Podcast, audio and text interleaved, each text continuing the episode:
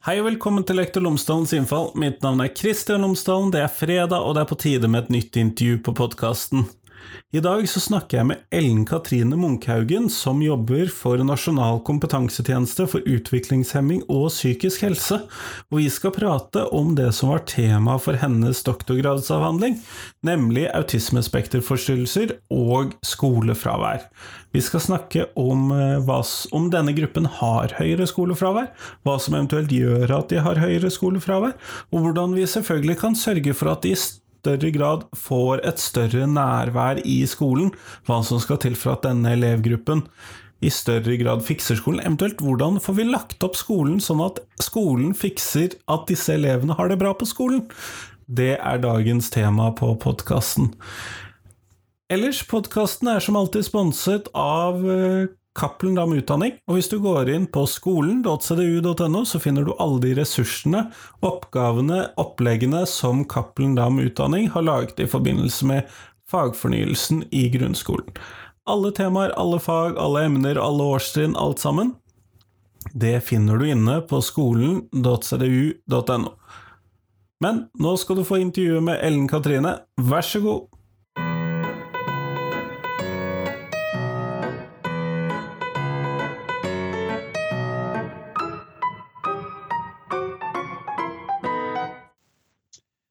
Ellen Munkhaugen, tusen takk for at du har tatt deg tid til meg i dag.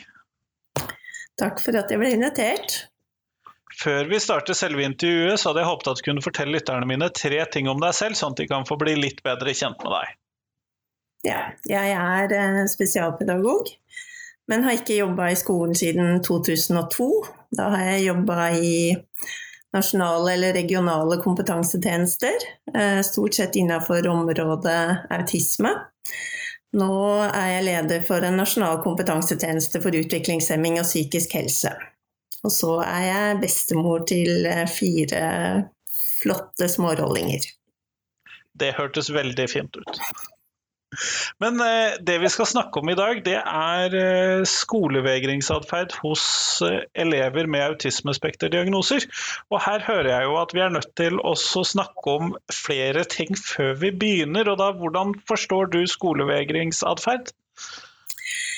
Ja, jeg bruker jo i min forskning og min måte å forstå det på nettopp dette begrepet skolevegringsatferd som kommer fra USA, fra en forsker som heter eh, Christopher Kearney og, Wendy Silverman. Og de tok til orde for å se på både den mer angstbaserte skolevegringen eh, og det som vi kaller for skulk, eh, under samme paraply, på en måte. Og siden de eh, kom med sin definisjon, så har det jo kommet andre som også ser på dette kanskje på noe av samme måten. Men som også Kanskje de nyeste fenomen, eller måtene å omtale fenomenet på, er dette med problematisk skolefravær, da. Eh, det som eh, denne definisjonen ekskluderer, det er de barna som blir holdt hjemme av foreldrene. Altså at det er foreldrene som hindre barna sine til å gå på skolen, da. Vi fant at eh, den definisjonen romma såpass mye mer og var mer hensiktsmessig å bruke når vi skulle snakke om, eller vi skulle undersøke eh, dette fenomenet da blant elever med autismespekterforstyrrelser. Nettopp, nettopp. Og det er jo det andre begrepet her. Og det, hva tenker du på når du snakker om autismespekterforstyrrelser her nå, da? Ja. Det er jo en, et spektrum som vi nå snakker om, selv om eh, diagnosekriteriene som vi bruker i Norge og Europa, eller eh, ICD-10-kriteriene, fremdeles deler inn i ulike kategorier som barneautisme, eh, atypisk autisme, Asperger syndrom, gjennomgripende utviklingsforstyrrelse uspesifisert, um, så snakker vi om et spektrum av autismevansker, og det har vi gjort lenge nå i praksisfeltet. Um, Så det rommer i grunn alle disse ulike underkategoriene. Eh, det amerikanske diagnosesystemet har jo eh, revidert, har blitt revidert og tatt opp i seg og snakker nå om et autismespektrum, da, hvor man definerer ulike grader av autismevansker. Og autismevanskene det er innafor tre, eller de snakker nå om to områder. Det er eh, det, eh, kommunikasjon, så er det det sosiale området, og så er det dette med rigiditet eller stereotypier, da. Og som gir seg ulike grader av utslag eh, hos de ulike eh, individene som får en sånn type diagnose, da. Så er det jo noen som også i tillegg får en utviklingshemming. Um, litt varierende tall, men sånn si rundt en 30-40 da.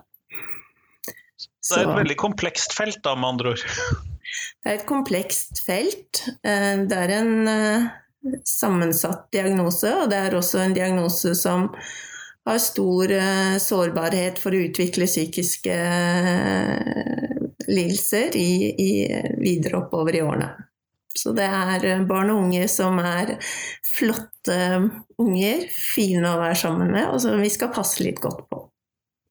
Nettopp, nettopp. Men hva er det For du har jo forsket på nettopp denne gruppen sett opp imot da skolevegringsatferd. Og hvordan Har de en særlig risiko for å utvikle skolevegring eller havne i den kategorien? Jeg tror vi kan si det. Ehm, det var jo det jeg var nysgjerrig på når vi begynte. Ehm, den gangen så kom jeg fra et felt eh, Eller et, jeg jobba i et nasjonalt autismenettverk og jobba med noe som het konflikthåndtering og mekling, der hvor det var alvorlige konflikter mellom familier med barn med autisme og, og hjelpeapparatet. Og da satt jeg i mange av disse skolesakene eh, hvor barna satt hjemme og opplevde spenninger og til dels alvorlige konflikter mellom familien og, og skolen. Og opplevde også at uh, hjelpeinstanser som uh, PPT, uh, BUP, barnevern var kobla inne, og alle egentlig var, litt, var usikre på hva de skulle gjøre og pekte på hverandre, eh, som vi fort gjør når vi er usikre på hvordan vi skal gjøre det. Og det var da jeg begynte å tenke at eh, vi må jo finne noe i litteraturen som kan si noe om hvordan skal vi kunne hjelpe disse barna. Eh, og foreldrene og skolene. Eh, og da um, fant jeg veldig lite. Og det var vel det, var det som var motivasjonen og driven min til å ut, prøve å finne ut mer. Da hadde jeg jo et ganske skjevt bilde på, på, hvordan dette her var. Når jeg jobba med konflikter i seks år, så, så kan man jo tro at det er det som er normalen, og det er det jo på ingen måte. Eh, så det var bakgrunnen for at jeg begynte og prøvde å finne ut noe mer om dette her. Da var det én studie fra 91 som eh, viste at det var, en, eh, at det var høyere forekomst hos barn med både utviklingshemming og autisme, mens, og enda høyere hos de som ikke hadde en utviklingshemming i tillegg til autismen sin. Det var det eneste vi hadde å støtte oss på. Så, så det var bakgrunnen min. Om er det høyere, og i så fall hvis det er høyere forekomst, så bør dette ha noe å si for hvordan vi rigger til hjelpeapparatet, og hvordan skolene ser på disse elevene. Eh, ikke for å men at vi har en høyere grad av beredskap, da. Og jeg var også veldig opptatt av, av dette her med hvordan kan man oppdage dette tidlig, fordi det var jo noe av det som var bildet når jeg jobba med mekling og konflikthåndtering, at de hadde sittet hjemme altfor lenge. Og, og, det hadde forsteina seg veldig sånne alvorlige konflikter da. Eh, og tidlig tiltak er noe av den viktigste suksessfaktoren vi vet om i dag når det gjelder behandling av skolevegringsatferd. Så, så, jeg var opptatt av det. Hvordan kan man finne ut av dette her, og er det, er det tidlige tegn på det, da. Så det var noe av bakgrunnen min. Mm. Nettopp, nettopp. Og da forstår jeg det sånn at det er en viss høyere At det, rett og slett er en viss høyere sjanse for at man utvikler skolevegringsatferd med denne typen diagnoser eller ja. Ja, man må alltid være forsiktig da og skal være ydmyk for funnene sine, eh, selvfølgelig. Men jeg fant jo at um, det var både lærere og foreldre som registrerte skolevegringsatferd i 20 dager. Så det var 20 dager av en såkalt tverrsnittstudie, da, så hvordan var situasjonen i de 20 dagene, altså fire skoleuker. Uh, og da fant lærerne at det var over 40% av elevene med, med autismespekterforstyrrelse og normalt evnenivå. Jeg hadde ikke med den gruppa som hadde en utviklingshemming. Eh, og 7% av den normale, eller sammenligningen med, med typisk utvikla elever, da. Så det var jo en ganske klar, eh, klar eh, forskjell da, på det.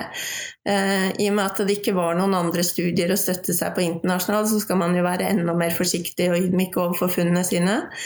Ehm, jeg fant at foreldrerapporteringene var enda høyere. De var over 50% ehm, Foreldrene har også tilgang til eh, hvordan det var hjemme på morgenen, for det var også noe som skulle registreres. Om de ba om å få slippe på skolen, men foreldrene greide å få de av gårde. Da. Ehm, nå har det kommet en eh, studie nå i fjor eh, fra England som har sett på en stor populasjon, mye større enn min. Jeg hadde jo drøyt 60 barn. Um, mye større populasjon, og der fant de også at de så på alt fravær da, når det gjaldt uh, barn med autisme, både med og uten utviklingshemming. Og fant da at 43% av de hadde den formen som heter angstbasert skolefravær, da, altså skolevegring, som vi sier. Uh, så det var absolutt den største fraværsgrunnen, da. Um, og de fant også der at uh, det var ca. 9% av de barna som både hadde den formen hvor foreldrene holdt de hjemme, eh, men også 9% som hadde en form hvor skolen ekskluderte de fra å komme på skolen. Og det er jo også en kjent eh, hva skal jeg si, anekdoter, i hvert fall da, at foreldre til barn med autisme forteller at nei, den kunne ikke være med på den og den aktiviteten fordi skolen hadde ikke en assistent tilgjengelig, eller det var ikke nok personale, eller det var på en måte ikke tilrettelagt den ekstra turen de skulle dra på, sånn at barna greide å delta på det, da. For det er jo barn som trenger ekstra tilrettelegging, og spesielt på det som vi andre tenker på som spennende annerledesdager, er skremmende annerledesdager for mange av dem, hvis ikke de får god nok informasjon om hva som skal skje. Ja, eh, jeg må jo som skoleperson si at jeg syns det høres veldig alvorlig ut når eh, det, Dette er jo et uh, felt hvor det er mange ting å være bekymret for og ting man må tenke på osv. Men når skolen sier at eleven ikke kan være med, det, som skoleperson så opplever jeg jo det kanskje som ekstra betenkelig. Ja, og det er den delen kanskje av feltet knytta til problematisk skolefravær som vi vet minst om også. Uh, og det, det, er jo egentlig alt problematisk skolefravær er jo en utfordring knytta til barns rettigheter til utdanning. Nettopp, nettopp. Men hva vet vi om hvorfor disse elevene, hvis vi da forholder oss til de som da eh, ikke kommer seg på skolen, og hvor det ikke er foreldrene som holder dem hjemme, og det ikke er skolen som hindrer dem i å gå på skolen, men hva er det som gjør at disse elevene ikke, ikke klarer det, ikke kommer seg dit? Jeg tror ikke vi greier å, å, å sette opp den, det laboratoriet som du etterspør der, ja. Fordi det er eh, sammenvevd, disse her eh, årsakene.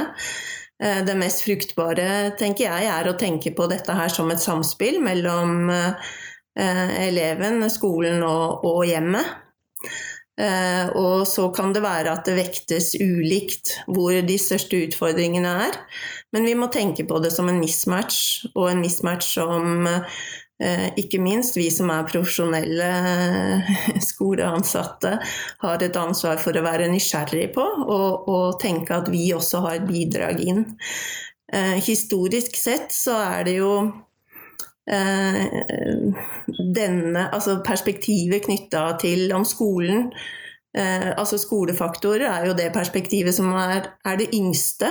Eh, man har tidligere liksom lagt vekt på at det var noe galt med barnet, så var det noe galt med familien. Og så, hvis man fortsetter bare den metaforen, da, så nå begynner man også å se at det kanskje er noe galt med skolen, da.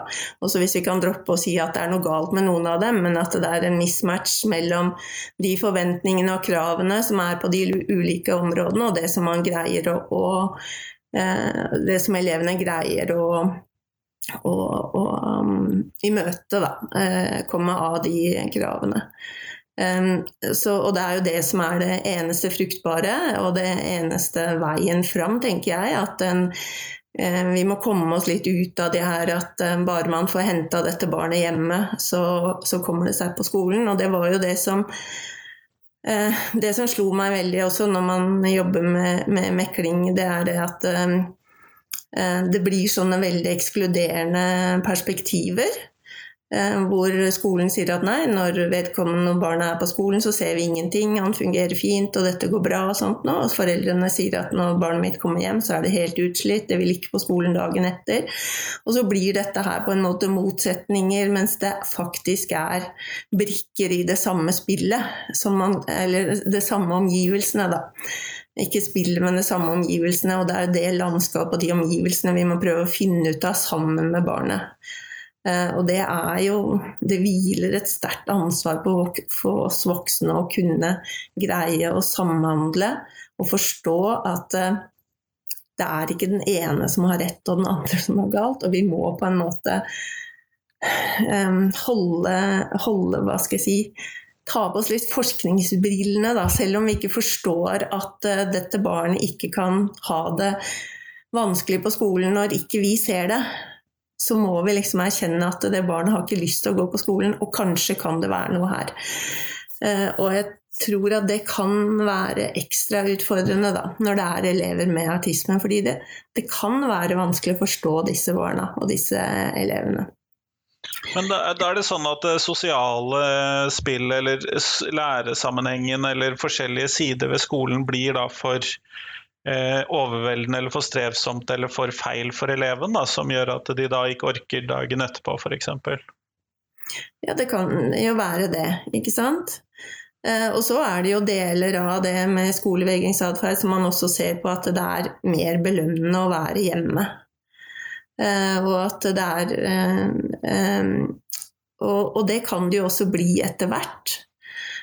og jeg har ikke noe forskningsmessig belegg for å si dette her i hele tatt knytta til autismegruppa, men det kan Overganger er vanskelig for dem, det vet mhm. vi.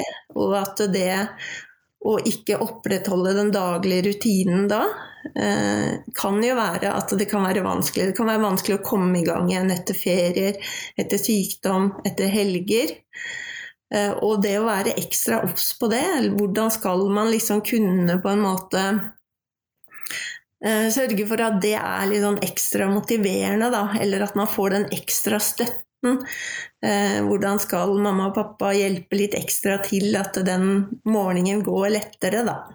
Og hvordan skal læreren da f.eks. med å gi ekstra god informasjon. Eh, og det tror jeg er noe av utfordringene med en sånn autismevennlig skole. Det er å forstå at det å ha en elev med autisme i klassen, det betyr et utvida foreldresamarbeid. Og det er ikke fordi at de foreldrene er kontrollfriker, men det er fordi at de foreldrene trenger den informasjonen, og kommer da til å etterspørre mer informasjon enn veldig mange av de andre foreldrene. Og så må vi liksom tenke at eh, det er ikke rettferdig å gi alle likt. Det er ikke sånn at alle foreldrene trenger all den informasjonen. Jeg har sjøl vært mamma oppover. Jeg har aldri behøvd den informasjonen som en autismemamma trenger, for å si det sånn daforisk. Fordi at ja, og og de ungene trenger ikke det. Nei, for vanligvis, så de fleste, sånn som jeg oppfatter f.eks. det å være foreldre selv, så er det begrenset med informasjon jeg trenger ettersom det funker stort sett i skolen, og så er det stort sett greit. Men jeg kan jo forstå at de andre, de foreldrene som da har en litt uh, tøffere oppgave foran seg, at de trenger mer informasjon. De trenger mer informasjon fordi at de trenger å hele tiden kunne gi noen svar på noen bekymringer, eller kunne gi noe informasjon som de barna ikke kan sette ord på. Eh, og det er jo noe av det man også snakker om for å lykkes med en god skole og en god skolegang for elever med autisme, at eh, skole-hjem-samarbeidet er ekstremt viktig. Nettopp, nettopp. Det høres ut som en utfordring. Jeg håper at det egentlig høres litt ut som en glede, da. Eh, men ja, fortsett. Mm. Eh, men ellers så har jeg jo undersøkt er det noen karakteristika ved de barna som har autisme og viser skolevegringsatferd, sammenligna med de som ikke har det. Og jeg har jo funnet noen eh, betydningsfulle forskjeller der, da. Ja, kan du si noe om hva det er? Ja, det blir jo små grupper. Eh, det er liksom 33 barn med, med skolevegringsatferd og autisme, og 29 uten.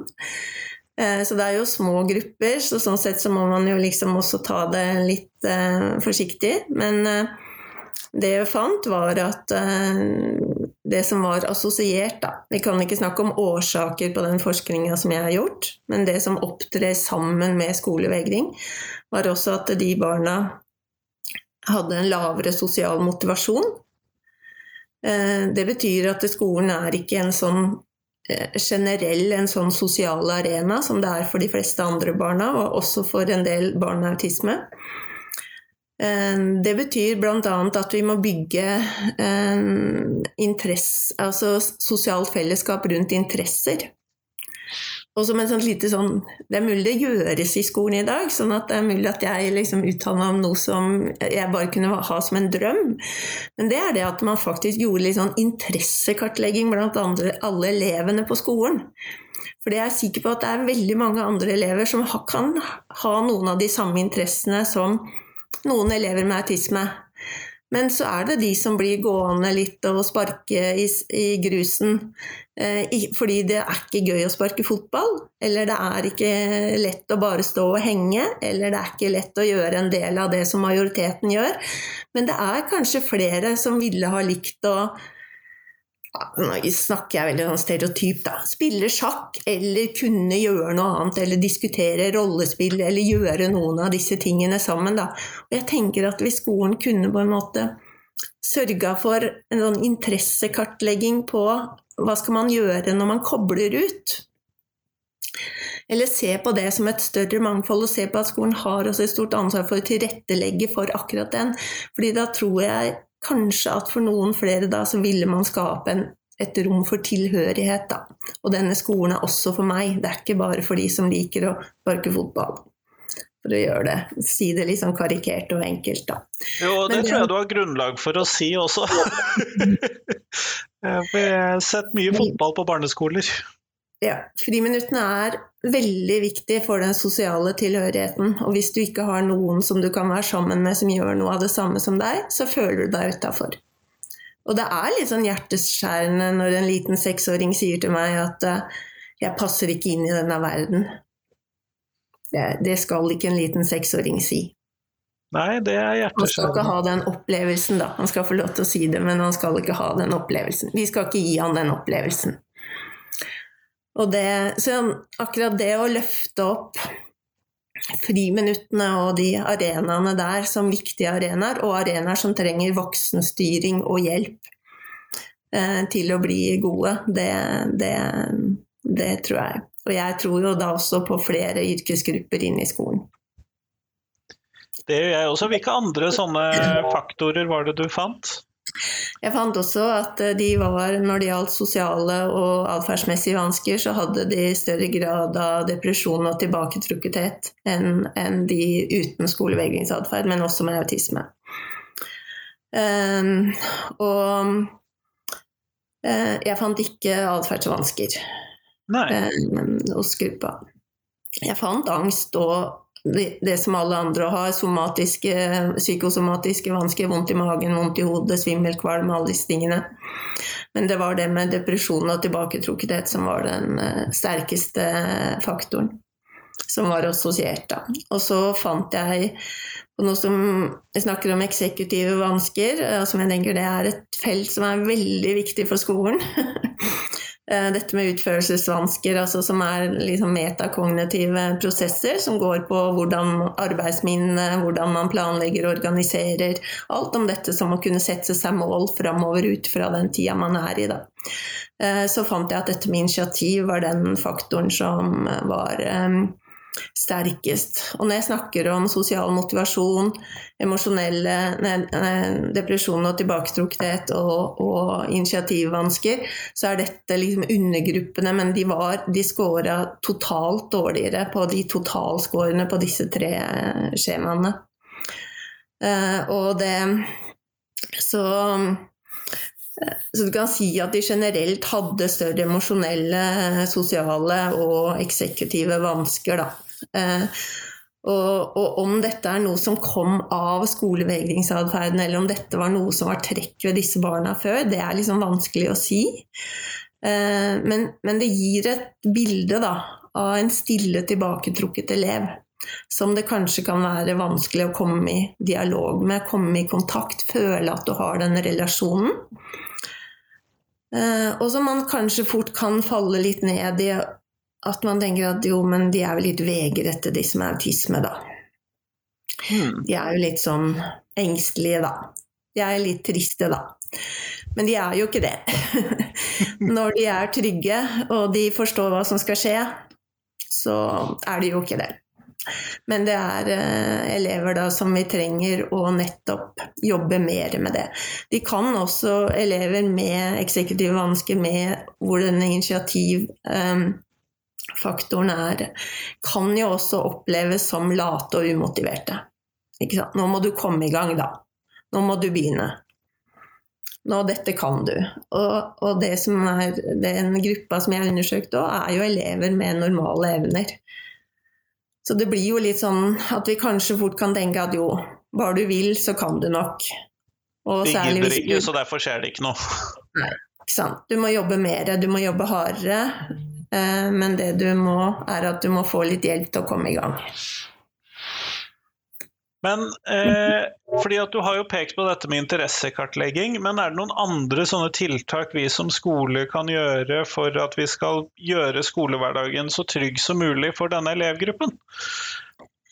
Jeg tror at eh, det beste man kan gjøre, det er jo selvfølgelig å sette seg inn i autismekunnskap. Har du en elev med autisme, og det er fullt mulig å lese seg opp. Det her er ikke et understudert felt.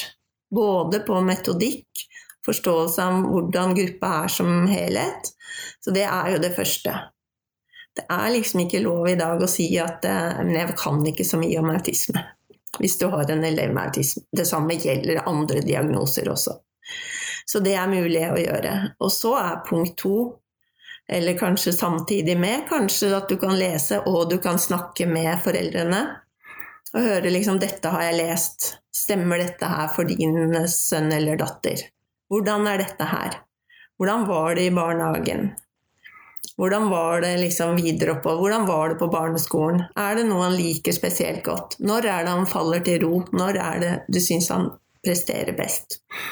Det å få tak i styrkene Vi liker alle å bli anerkjent for ting vi kan. Det gjør også barn med autisme. Så jeg tenker det å sette seg inn i fagfeltet og veldig raskt være i dialog med foreldrene. Og, og det er, viser forskninga også. Foreldre er ganske um, hva skal jeg si, tolerante på at lærere ikke kan så mye om diagnosen, så lenge de er villige til å sette seg inn i det. Det som foreldre syns er vanskeligst, er de som har hatt én elev før med autisme, og, og Eh, bedyrer at dette kan jeg. Jeg har hatt en elev før. Og det er jo som man sier både innenfor ADHD-felt og autismefeltet, har du sett én, så har du sett én. Så det er en stor eh, variasjon. Men det er klart det er noen grunnelementer. Det er derfor de har fått den diagnosen, da. Nettopp. Så det som eh, jeg har eh, i hvert fall de lærerne som var med i min undersøkelse, da, så er det ca. 40% av lærerne som sier at de er fornøyd med sin kompetanse om autisme. Eh, og det er relativt høyt sammenligna med noen andre internasjonale tall. Eh, så det syns jeg er bra at det er såpass, men det er 60% som ikke er så fornøyd, og som er lite fornøyd med kompetansen sin. Kan jeg få spørre om, Har du da sett på om foreldrene i de samme tilfellene er de like fornøyd med kompetansen hos læreren?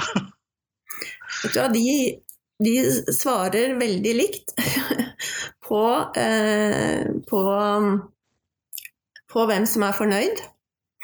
De er helt like der. Men eh, de, er, de, skiller seg litt mellom de lærerne som syns at eh, de verken har god eller dårlig, og de som mener at de har dårlig kompetanse. Og der er det en større andel av foreldre som mener at de har dårlig kompetanse, eller manglende kompetanse, da, enn en eh, lærerne. Og det samme er det på foreldre-hjem-samarbeid. Der er det veldig små tall jeg har, altså, så det er sånn helt obs, obs.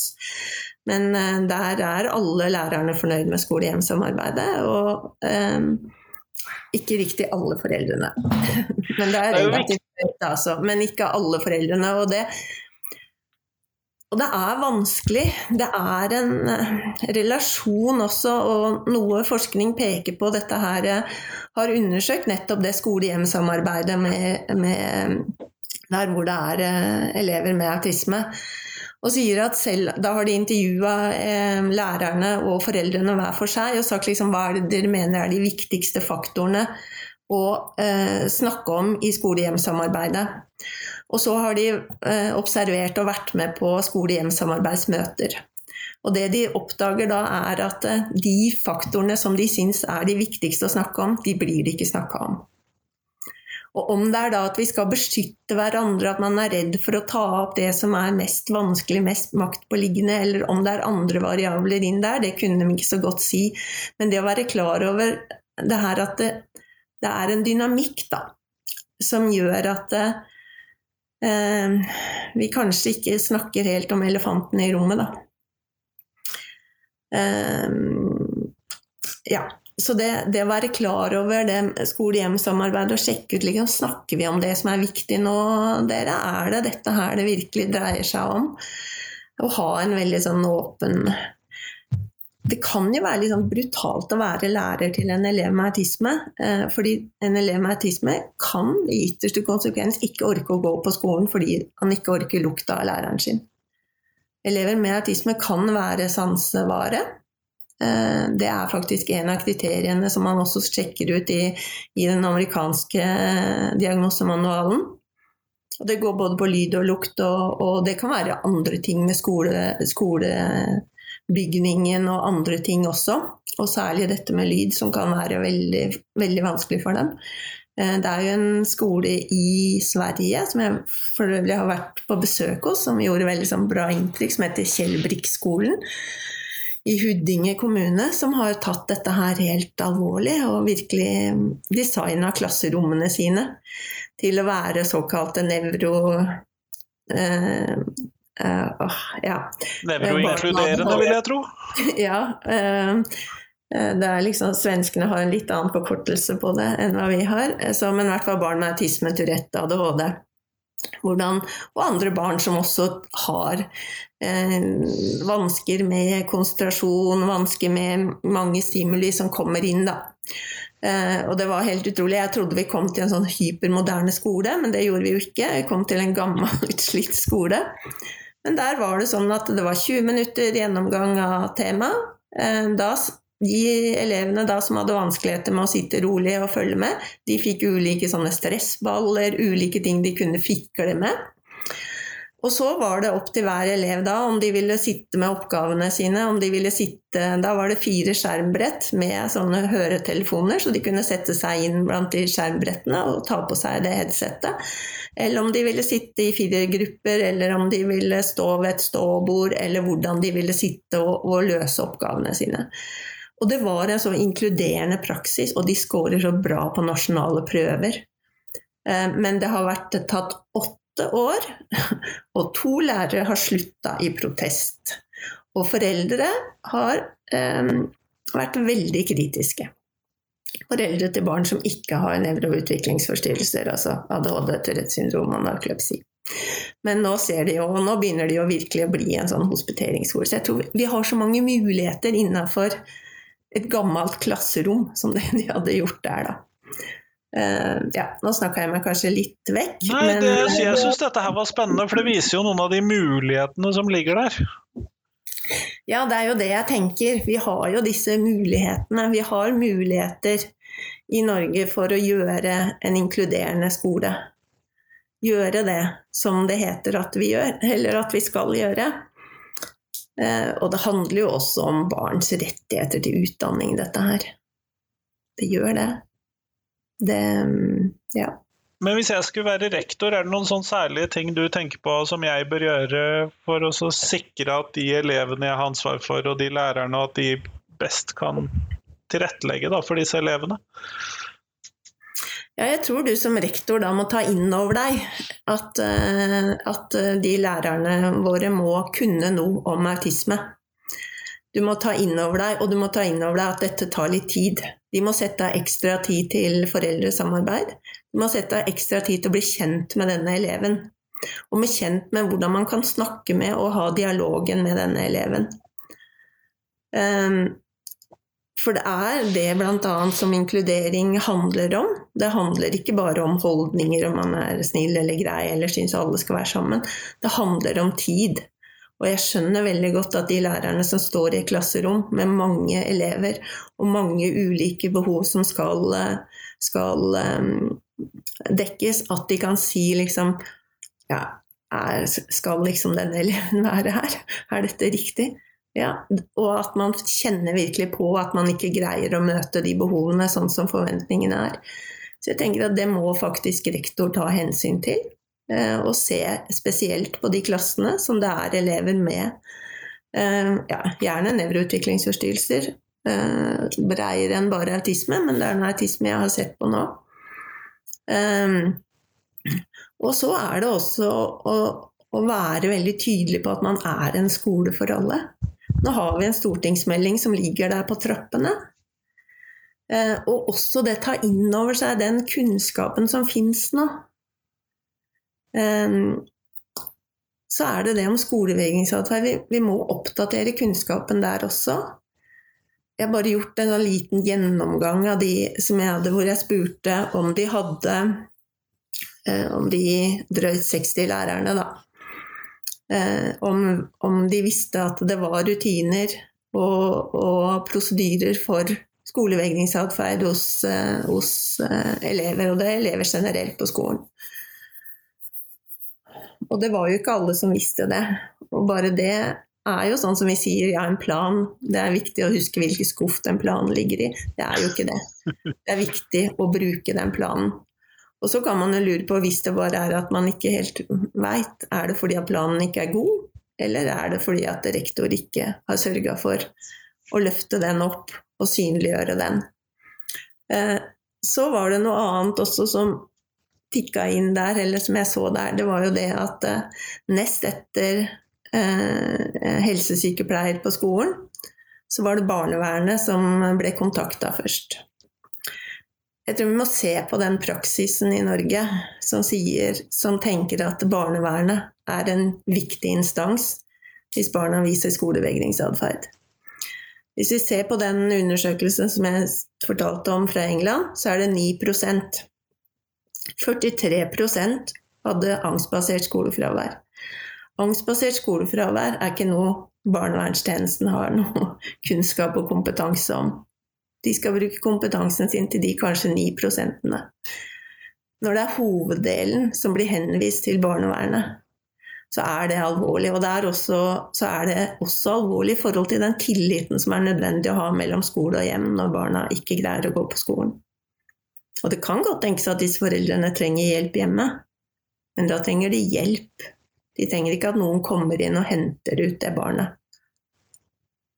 Så for å si det litt enkelt, da, det er veldig komplisert dette her. Og det som vi lander ned på når vi vet hva er det som skal til, så vet vi veldig lite ennå. Men vi vet noen få studier som har vist det knytta til hvordan skal man få tilbake barn i skolen som har autisme. Og da er det først og fremst å se på det, gå igjennom har vi en autismevennlig skole. En ting er generelt, men en ting er ut ifra det vi vet om dette barnet ut ifra hva foreldrene kan fortelle, og ikke minst hvis barn også selv kan fortelle. Har vi en skole som passer? Kan vi tilpasse skolen? Og hvordan i så fall skal vi gjøre det? Hvor mye må barnet lære av dette her?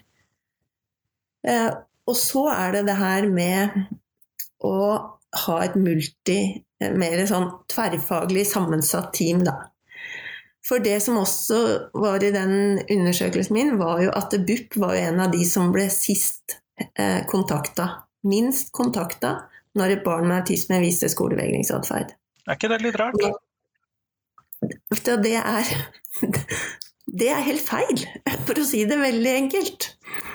Fordi det er de som har kompetanse, og har et barn med autisme tegn på depresjon og tilbaketrukkethet, angst, så er det klart at BUP skal inn. Men i prioriteringsveilederen hos BUP så er skolevegring ekskludert som eh, fenomen. Men det står litt under, litt i undertekst, om at eh, hvis det er andre ting, som f.eks. nevroutviklingsforstyrrelser, og at kommunen samarbeider Det er ikke helt ordrett det jeg sier nå, så det er sånn, ta det litt med en sånn liten klype salt. Jeg kan ta og sjekke det skikkelig opp. Jo, jo, men uh, vi, nært nok, vil jeg tro. Man kan, ikke, ja, man kan ikke ha en pasientrettighet som er betinga i at kommunen samarbeider. Og selvfølgelig skal kommunen samarbeide.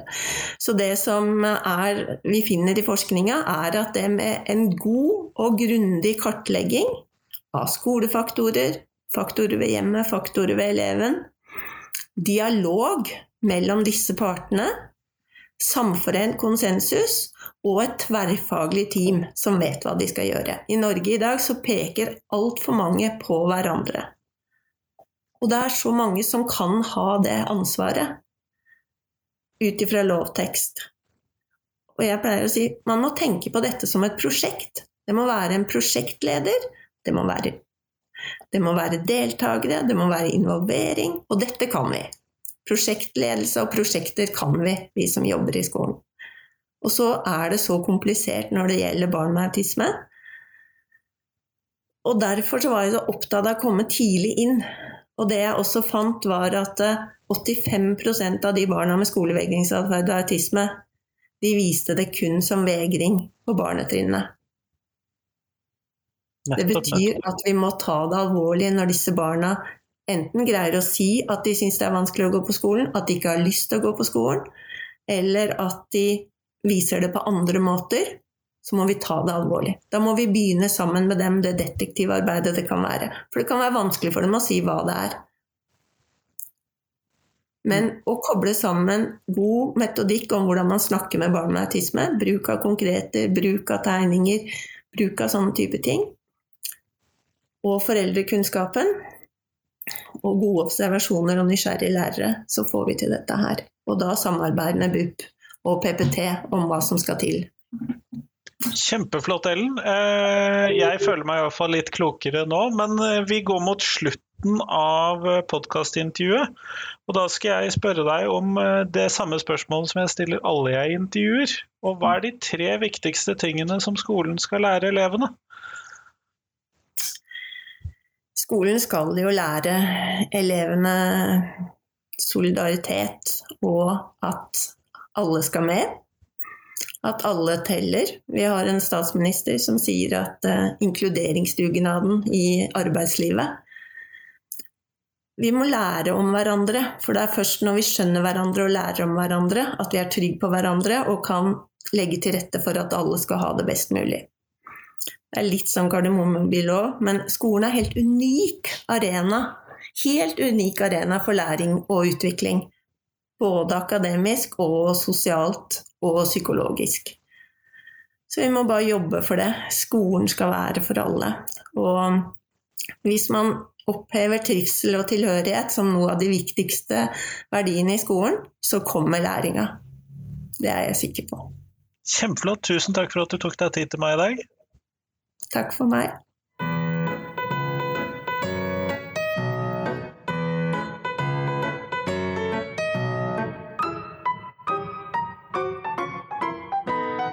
Tusen takk til Ellen Katrine, og tusen takk til deg som hørte på. Nå er det fram til tirsdag, så kommer det en ny episode, men jeg håper at du får slappet av og ladet batteriene i helgen. Neste uke så er det jo skolestart for de fleste lærere rundt omkring i Norge, sånn at dette trenger vi. Men jeg håper at du kan ta årets nyiver i skolestarten til å sende meg noen tips. Hva er det du vil høre på podkasten? Hva er det som er viktig for deg i år? Hva tenker du at jeg bør ha mer om? Så send meg det på en eller annen måte. Det kan du gjøre på alle mulige slags måter, enten det er e-post, SMS, Messenger, i Facebook-siden, tipsskjema på nettsiden lektorlomsdalen.no osv. Men i hvert fall, gjør gjerne det. Ellers, ha en fin helg. Hei, hei.